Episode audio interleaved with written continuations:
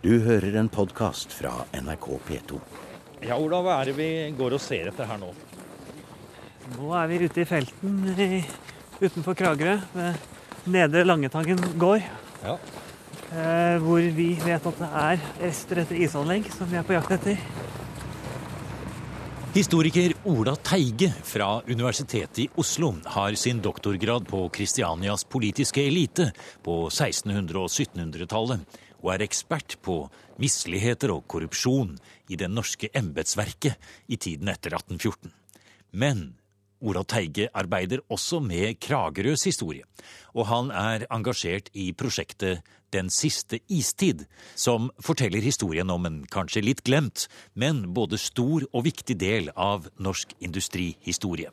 Nemlig produksjon og eksport av naturis. Og det er grunnen til at han har tatt oss med til Nedre Langetangen og et stort islagt tjern like utenfor Kragerø. Det er tåke og litt grått, og det er is og snø som det skal være når vi er ute i dette temaet. Men for meg så ser det jo ut bare som et helt vanlig tjern, på en måte. Men dette er ingen naturlig dam. Hvis du ser der borte, så ser du jo spor etter en demning. Så dette er demme, rett og slett demmet opp for å lage dammer som man kan fryse is. Så det vi står og ser på her, det er et eh, produksjonsområde, på en måte? Det er akkurat som en isåker? Eh, Rett og slett. Ja. altså, det er jo isåker. På engelsk snakker man om ice harvest. altså Man høstet jo is. Når man samlet inn, så høstet man is. Man grodde det gjennom vinteren, og så høstet man det på februar-mars. Nå går vi litt langs eh, denne kunstige innsjøen, som jo i dag ikke brukes til noen ting. Men der vi parkerte på huset like bak oss her, så så vi jo at det var eh, gamle isredskaper og sånn som var spikret opp på veggen her. Eh, Så det er klart at eh, vi ser jo på en måte gjennom det eh, rester av noe. Men en stor industri som egentlig fins mange, mange steder langs kysten og rundt Oslofjorden. Og her er rett og slett helt borte, og ingen vet noe om det lenger. Ja, det er jo, vi ser jo er rester i kulturlandskapet gjennom utallige demninger og dammer og tjern. Og som her, flotte gamle sveitservillaer fra 1860-tallet som er bygd for å ta vare på dette her. Så det er jo en del av kulturlandskapet langs kysten. Men eh, det er skjult. Man må lete etter det og vite hva man leter etter for å se at denne dammen ikke er naturlig. At her brukte man å produsere is.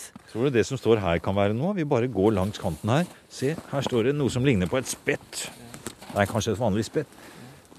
Det står inntil et tre her. Nei, se her, det er ikke Det er ikke Det kan være sånn redskap. Det kan være gammelt. Står bare intet. Ja, De hadde jo selvfølgelig ja. hull i isen, så Ja, de stakk staver nedi for å kunne Ja. måle hvor tykk isen var, Ah. når man skulle skjære den og, så, og videre.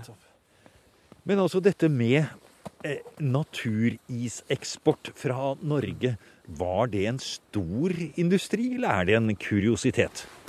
I sin tid så var det en, en ganske stor og viktig industri. Det var noe som begynte ganske brått og hadde sin storhetstid. Altså fra 1850-tallet og fremover, og rundt 1900 var på sin topp. Og så kollapset det under første verdenskrig. Men i de 70 årene så var det en stor, viktig industri. Spesielt her i uh, Oslofjorden. Hvor mange sånn type anlegg for eksport av naturis eh, eh, snakker vi om at man eh, kjenner til i dag? Bare her i Kragerø-distriktet så er det jo listet opp langt over 30 slike anlegg, damanlegg og med lagringshus og isrenner og så. Og du finner mye fra kysten. altså Det er fra, fra Risør i sør, oppover eh, i Skien, Friefjorden, her i Kragerø og i Bamble, men også Røyken, Asker, eh, rundt Oslofjorden til Nesodden. Nesodden var den største og viktigste Var, var Nesodden den største? Nesodden. Rundt 1900 så var den største iseksportøren i Norge. Og det er jo et eh, berømt eh, rederi som har sitt utgangspunkt eh, på, på Hvitsten eh, i Vestby. Ja, altså Fred Olsen, Den første Fred Olsen slo jo seg opp bl.a. som del av del med iseksport. Han drev jo et rederi, men på den tiden så drev de redernes vekselsvirkning mellom is, trelasteksport og rederiet. Så alle var deler i en virksomhet hvor han brukte skipene sine til å frakte isen. Eh, han brukte avfall fra, fra sagbrukene sine, nemlig sagmugg, til å isolere isen eh, i ishusene og også i skipene. Og slik fikk fordeler. Og når skipene ikke fraktet trelast til markedene, så kunne de frakte is. Nå går vi her og leter etter spor etter denne store isdammen her ved Nedre Langevann ved Kragerø. Og vi er på vei bortover mot noe her som vi kan se at det er eh, demmet opp. Men og det har jo påvirket hele kulturlandskapet. Er det mange steder i Norge vi fortsatt ser rester av denne store industrien da, som, har, eh, som, hadde, som pågikk i over 70 år? Det man ser, er jo det vi ser her nå i dag. Ja. Det er eh, dammer. Se her er det jo typisk lagt opp her. Eh, og det er noen hus, men veldig mye av resten av anleggene er jo borte. Altså det, her var det også store anlegg med isrenner og, og hus for å lage isen og utskipningsanlegg og havner og brygger osv. Men alt det er borte. Det råtnet opp i løpet av 10-20-30 år etter det var borte. Så det som er igjen, er jo disse dammen som nå ser ut som det har vært der til evig tid. Det ser jo helt naturlig ut. Eh, Jens, går det an å gå ut på den, tror du? Skal du prøve å gå ut på den? Vi lager jo et program om is her. Ja, forsiktig nå, da. Ja, forsiktig, Ola. Vi er ikke ferdig med opptaket ennå, så du må ikke gå gjennom riktig ennå.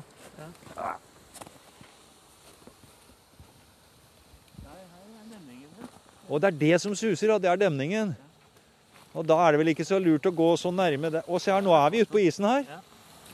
Og her, hvis vi liksom tar og drar tilbake det øverste snølaget, så ser vi at her har vi under oss Ja. sikkert en meter med tjukk naturis. Har du sett hva mange Enda, nå enda nå er det jo faktisk eh, Ja, det har vært plussgrader et par dager nå, men det er masse is her. Men du ser at denne her er jo ikke klar. Den er, eh, den er opak. Ja, For den er ikke bearbeidet. Nei.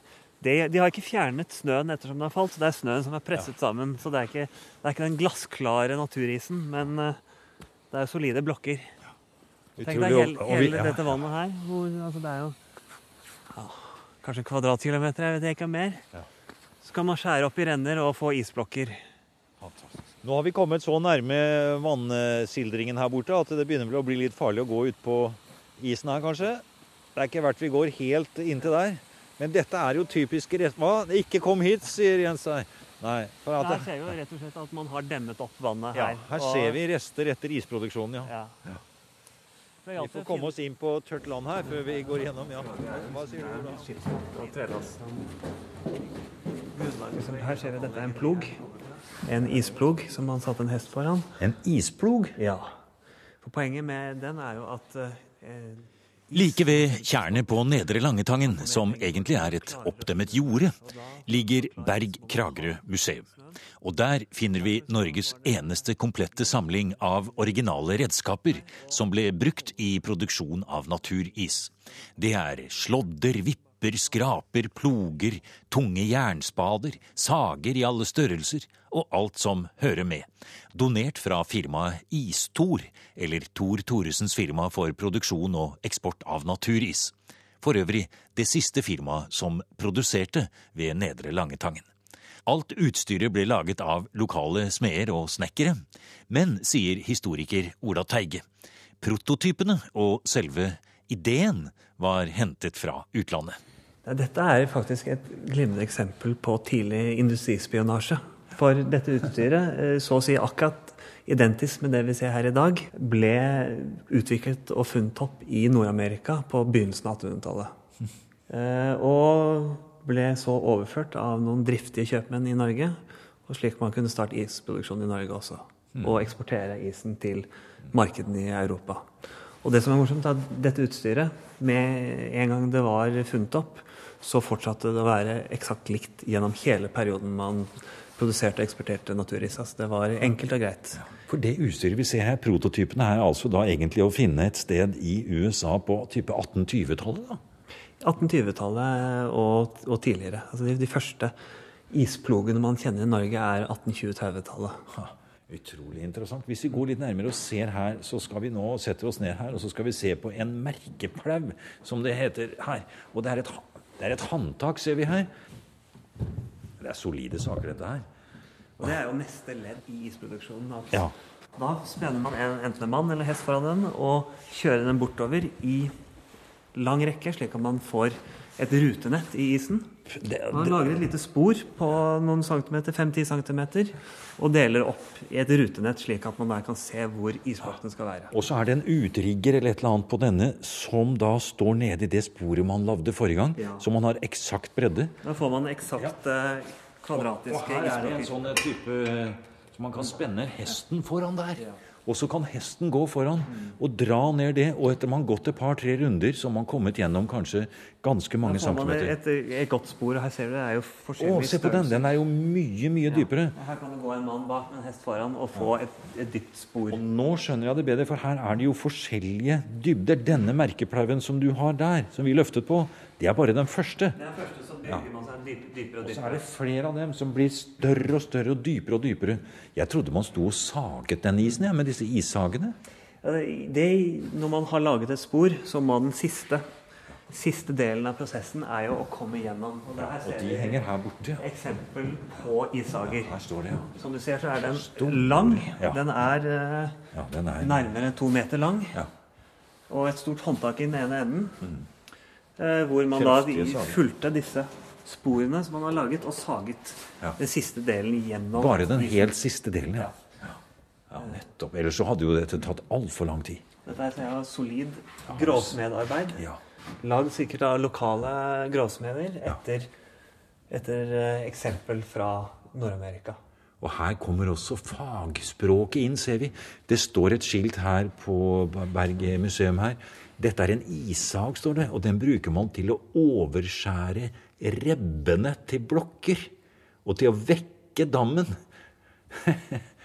Det betyr altså å skjære en råk langs demningen, sånn at ikke den skulle bli trykt ut av isen. Det er, eh, det er fag... Det er jo ikke så enkelt, dette her, altså. Det det er jo stor fagkunnskap som må til her. Det er en håndverksfag. Ja. Um, og det som er så interessant, at det var jo ganske stor industri. og det som er noe jeg med alle disse redskapene, det er veldig arbeidsintensivt. Dette er muskelkraft. Store, sterke karer som må sages, og svetta renner selv om det er kaldt ute. Og hester. Og i, i hvert fall i perioder, når man skulle skjære isen, så trengte man ganske mye, mange folk. Og man trengte fagfolk. Men det var også noe arbeid som husmenn og arbeidere og andre kunne bruke ved siden av til å spe på inntekten i perioder. Om vinteren og være stille på landet, så kunne man bruke det for å få penger. Og her ser vi bilder på veggene her hvor de går og, og, og sager ut disse siste bitene med de store sagene. Og vi har egne sko som de har her. Tresko, spesielle tresko med pigger. Nok en gang for å altså, ha kvaliteten. Jo bedre, jo renere is, jo bedre is, jo mer penger fikk man for det. Det sies jo en fortellelse om en historie fra Oppegård eller Follo eh, at der sto det et skilt ved siden av isdammen 'Ikke spytt på isen, den skal til engelske lorder'. Som selvfølgelig er eh, Det aller meste av isen gikk jo ikke til drinker i whiskyen, men eh, selvfølgelig jo renere og penere man fikk isen, jo mer penger fikk man for den. Og det var som sagt altså, En av fordelene med norsk is var at den var ren og naturlig. Og der er det en takse. Det er også så morsomt, dette faguttrykkene. Og det er altså til å henge, eller fire isblokker ned i isbingen.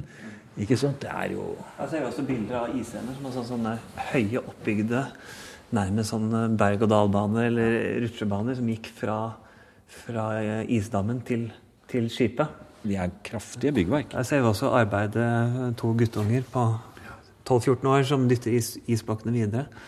Og i disse isbanene, de kunne, isblokkene kunne åpne ganske stor fart, så ved hjørner og steder så sto det jo uredde unggutter og dyttet dem på plass. Og dyttet dem inn i en ny renne og fart. Ja, jeg fløyta isstøkkene ned til Kiratten. Det var, eh, de som, det var vel verst for de som skar, kanskje? Det var verst for de som skår, ja. De hadde det tyngste arbeidet, de. Her går vi helt tilbake til 1890. Da var Simen Andersen fra Bamble 15 år gammel, og han hadde arbeid som fløter av isblokker fra dammene og ned til utskiping.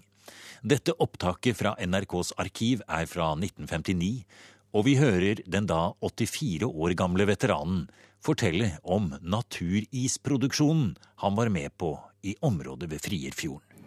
De fløyde reinene eh, med hest. eh, langrennene.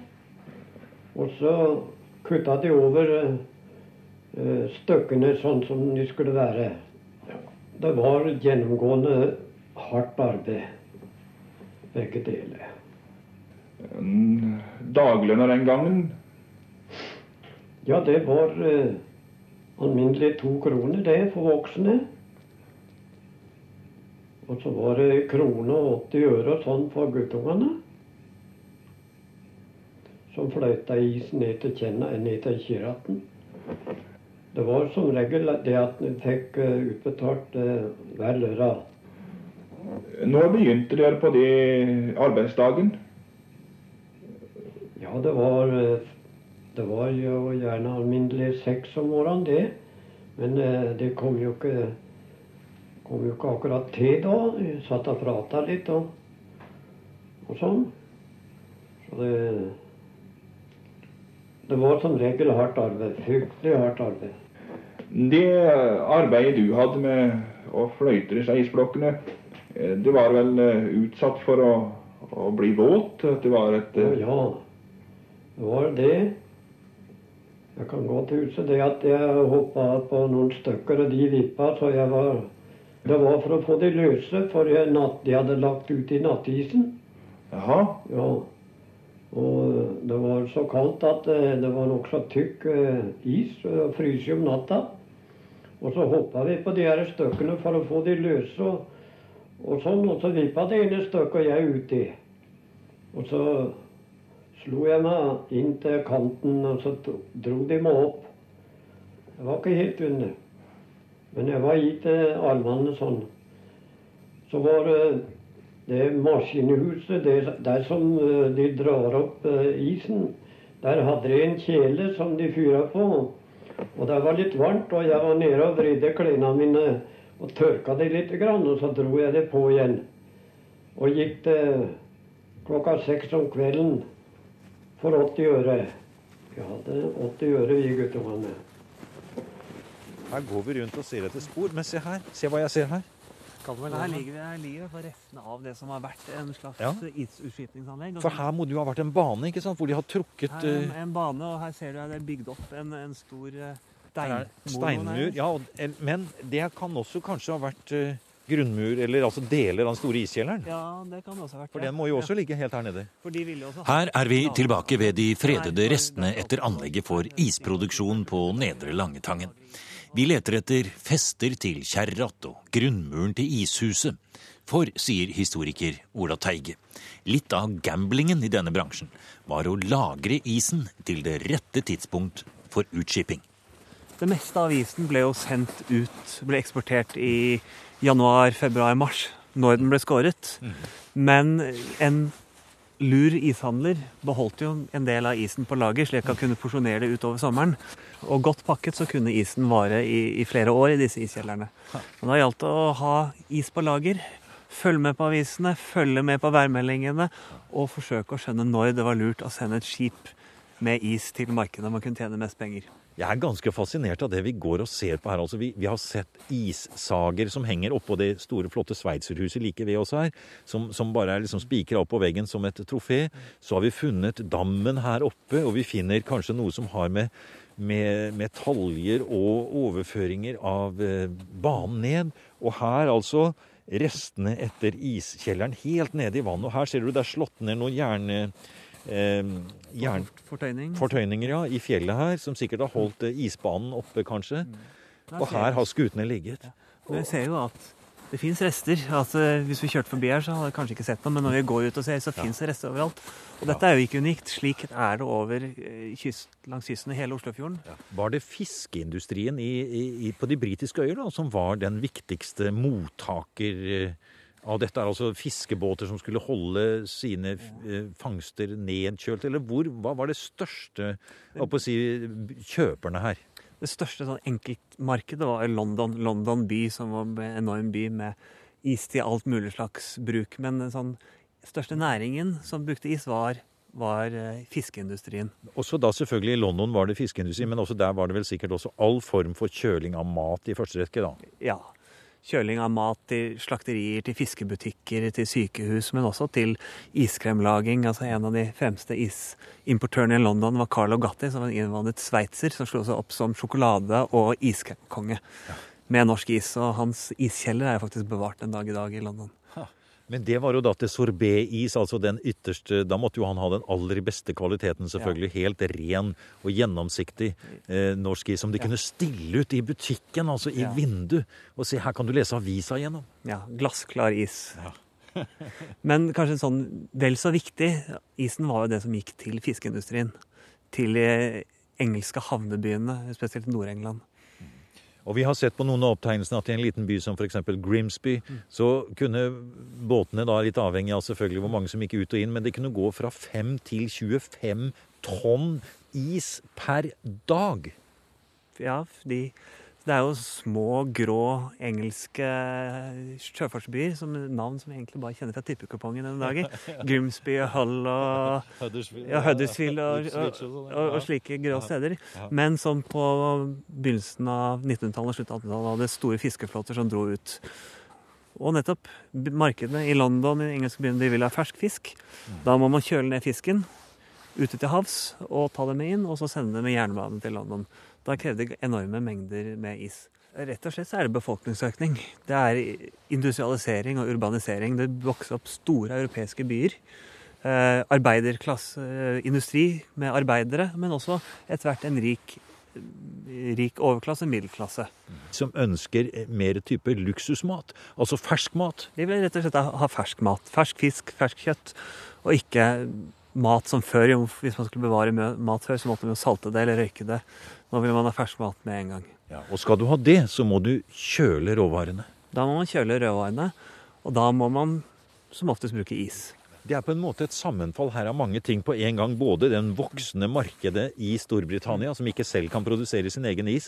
Eh, bydannelsene der. Fiskeriene som blir større og større pga. motoriseringen av fiskeflåten. Så de, kan, de trenger, skal være lenger ute. De trenger da mer is om bord.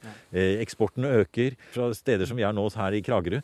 Men så plutselig, Ola, så er det slutt.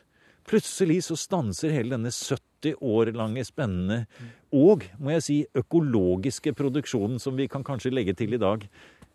Det, det blir slutt med første verdenskrig, og er det krigen i seg selv som gjør dette, da? Altså, det som skjer, er jo at uh, krigen får ting som ellers hadde tatt lang tid å skje. Det får til å skje brått, i og med at all skipstrafikk mellom Norge og Storbritannia blir kuttet. Og det som skjer, er jo rett og slett at man kan si de, de samme kreftene som satte i gang dette eventyret, er jo de, også de som avslutter det. At det er den moderne, moderne byen, moderne verden, moderniteten som kommer med urbanisering industrialisering. Men en del av den industrialiseringen er altså oppfinnelsen av, oppfinnelsen av nye maskiner, av ny teknologi. Ja. Og det er elektrisiteten, og det er ismaskiner som kommer. Ja, for det store gjennombruddet for elektrisitet brukt i husholdningene er jo nettopp på 1920-tallet, og ikke minst i industrien. Man kan begynne å produsere maskinlaget is. Og Det får man også i de største europeiske byene. Så får man fabrikker som produserer is fra 1880-90-tallet. Eh, men vane er jo en eh, ganske vanskelig ting å endre, og man var vant til norsk is, og man hadde faste forbindelsesruter. Men når det først sier stopp, så finner etterspørselen og markedet finner andre veier. Og da er det rett og slett ikke bruk for norsk is. I hvert fall ikke til de store markedene til iseksport. Til fiskeeksport. For når det gjelder produksjon av fisk, så er det samme om det er maskinis ja. eller naturlig is. Det er rett og slett at det holder kaldt. Så etter første verdenskrig så fortsetter ikke naturiseksporten, men naturisproduksjonen fortsetter noen få steder, men da mer for det innenlandske eh, privatmarkedet, da. Ja, altså det er delvis er det det man kan kalle et utenlandsk luksusmarked. De som vil ha isklare, glassklare isblokker, men også til det innenlandske markedet, hvor det er jo det er mye billigere og bedre å ha norsk naturis enn å produsere det industrielt sett. Før elektrisitetens tid så måtte man bruke is. Så man hadde isskap som man kjølte ned matvarer i. Man brukte is som isskulpturer på ja. finere middager ja, for på det, for det er vel en av de siste store produksjonsområdene for norsk naturis. De er til å si, de store, flotte mm. skulpturene på Continental hotell i Oslo ja. i mellomkrigstiden. Det var isdammen på Årvoll øst i Oslo som jo produserte is til langt ut på 60-tallet. Eh, hvor is, isen da, fordi det meste gikk til sykehus og til kontinental. Så ren luksusproduksjon. Og det var også til steder hvor man ikke hadde elektrisitet, som i hytter. I her i Kragerskjærgården f.eks. mange steder, hvor man hadde isskap. Man puttet inn isblokker for å kjøle ned maten. Og det siste eksporten av is i Norge foregikk på 1960-tallet til Koster i Bohuslän. Et fiskemottak for å kjøle ned is. Man hadde ikke elektrisitet til å lage is, og da hadde man norsk naturis. Men det var en sånn liten sånn parentes. Fiskemottaket på Ekenes på Koster er det siste som er mottaker av norsk naturiseksport. For en fantastisk historie. Produseres det i det hele tatt noe naturis i Norge i dag? Nei, Nei. Ikke noe sted. ikke noe sted. Det er rart å tenke på Ola, at alt dette som du har fortalt nå, som omfatter så mange ting, og som griper inn i si, hele den moderne utviklingen, det er på en måte nesten ja, Det er nesten ingen som vet om det lenger. Nei, det er glemt, og, og de fleste sporene er jo borte. Det var viktig, i, spesielt her i Oslofjorden i en tid. Mange fikk arbeid, fikk utvikling og industri, men det forsvant nesten like raskt som det var oppnådd.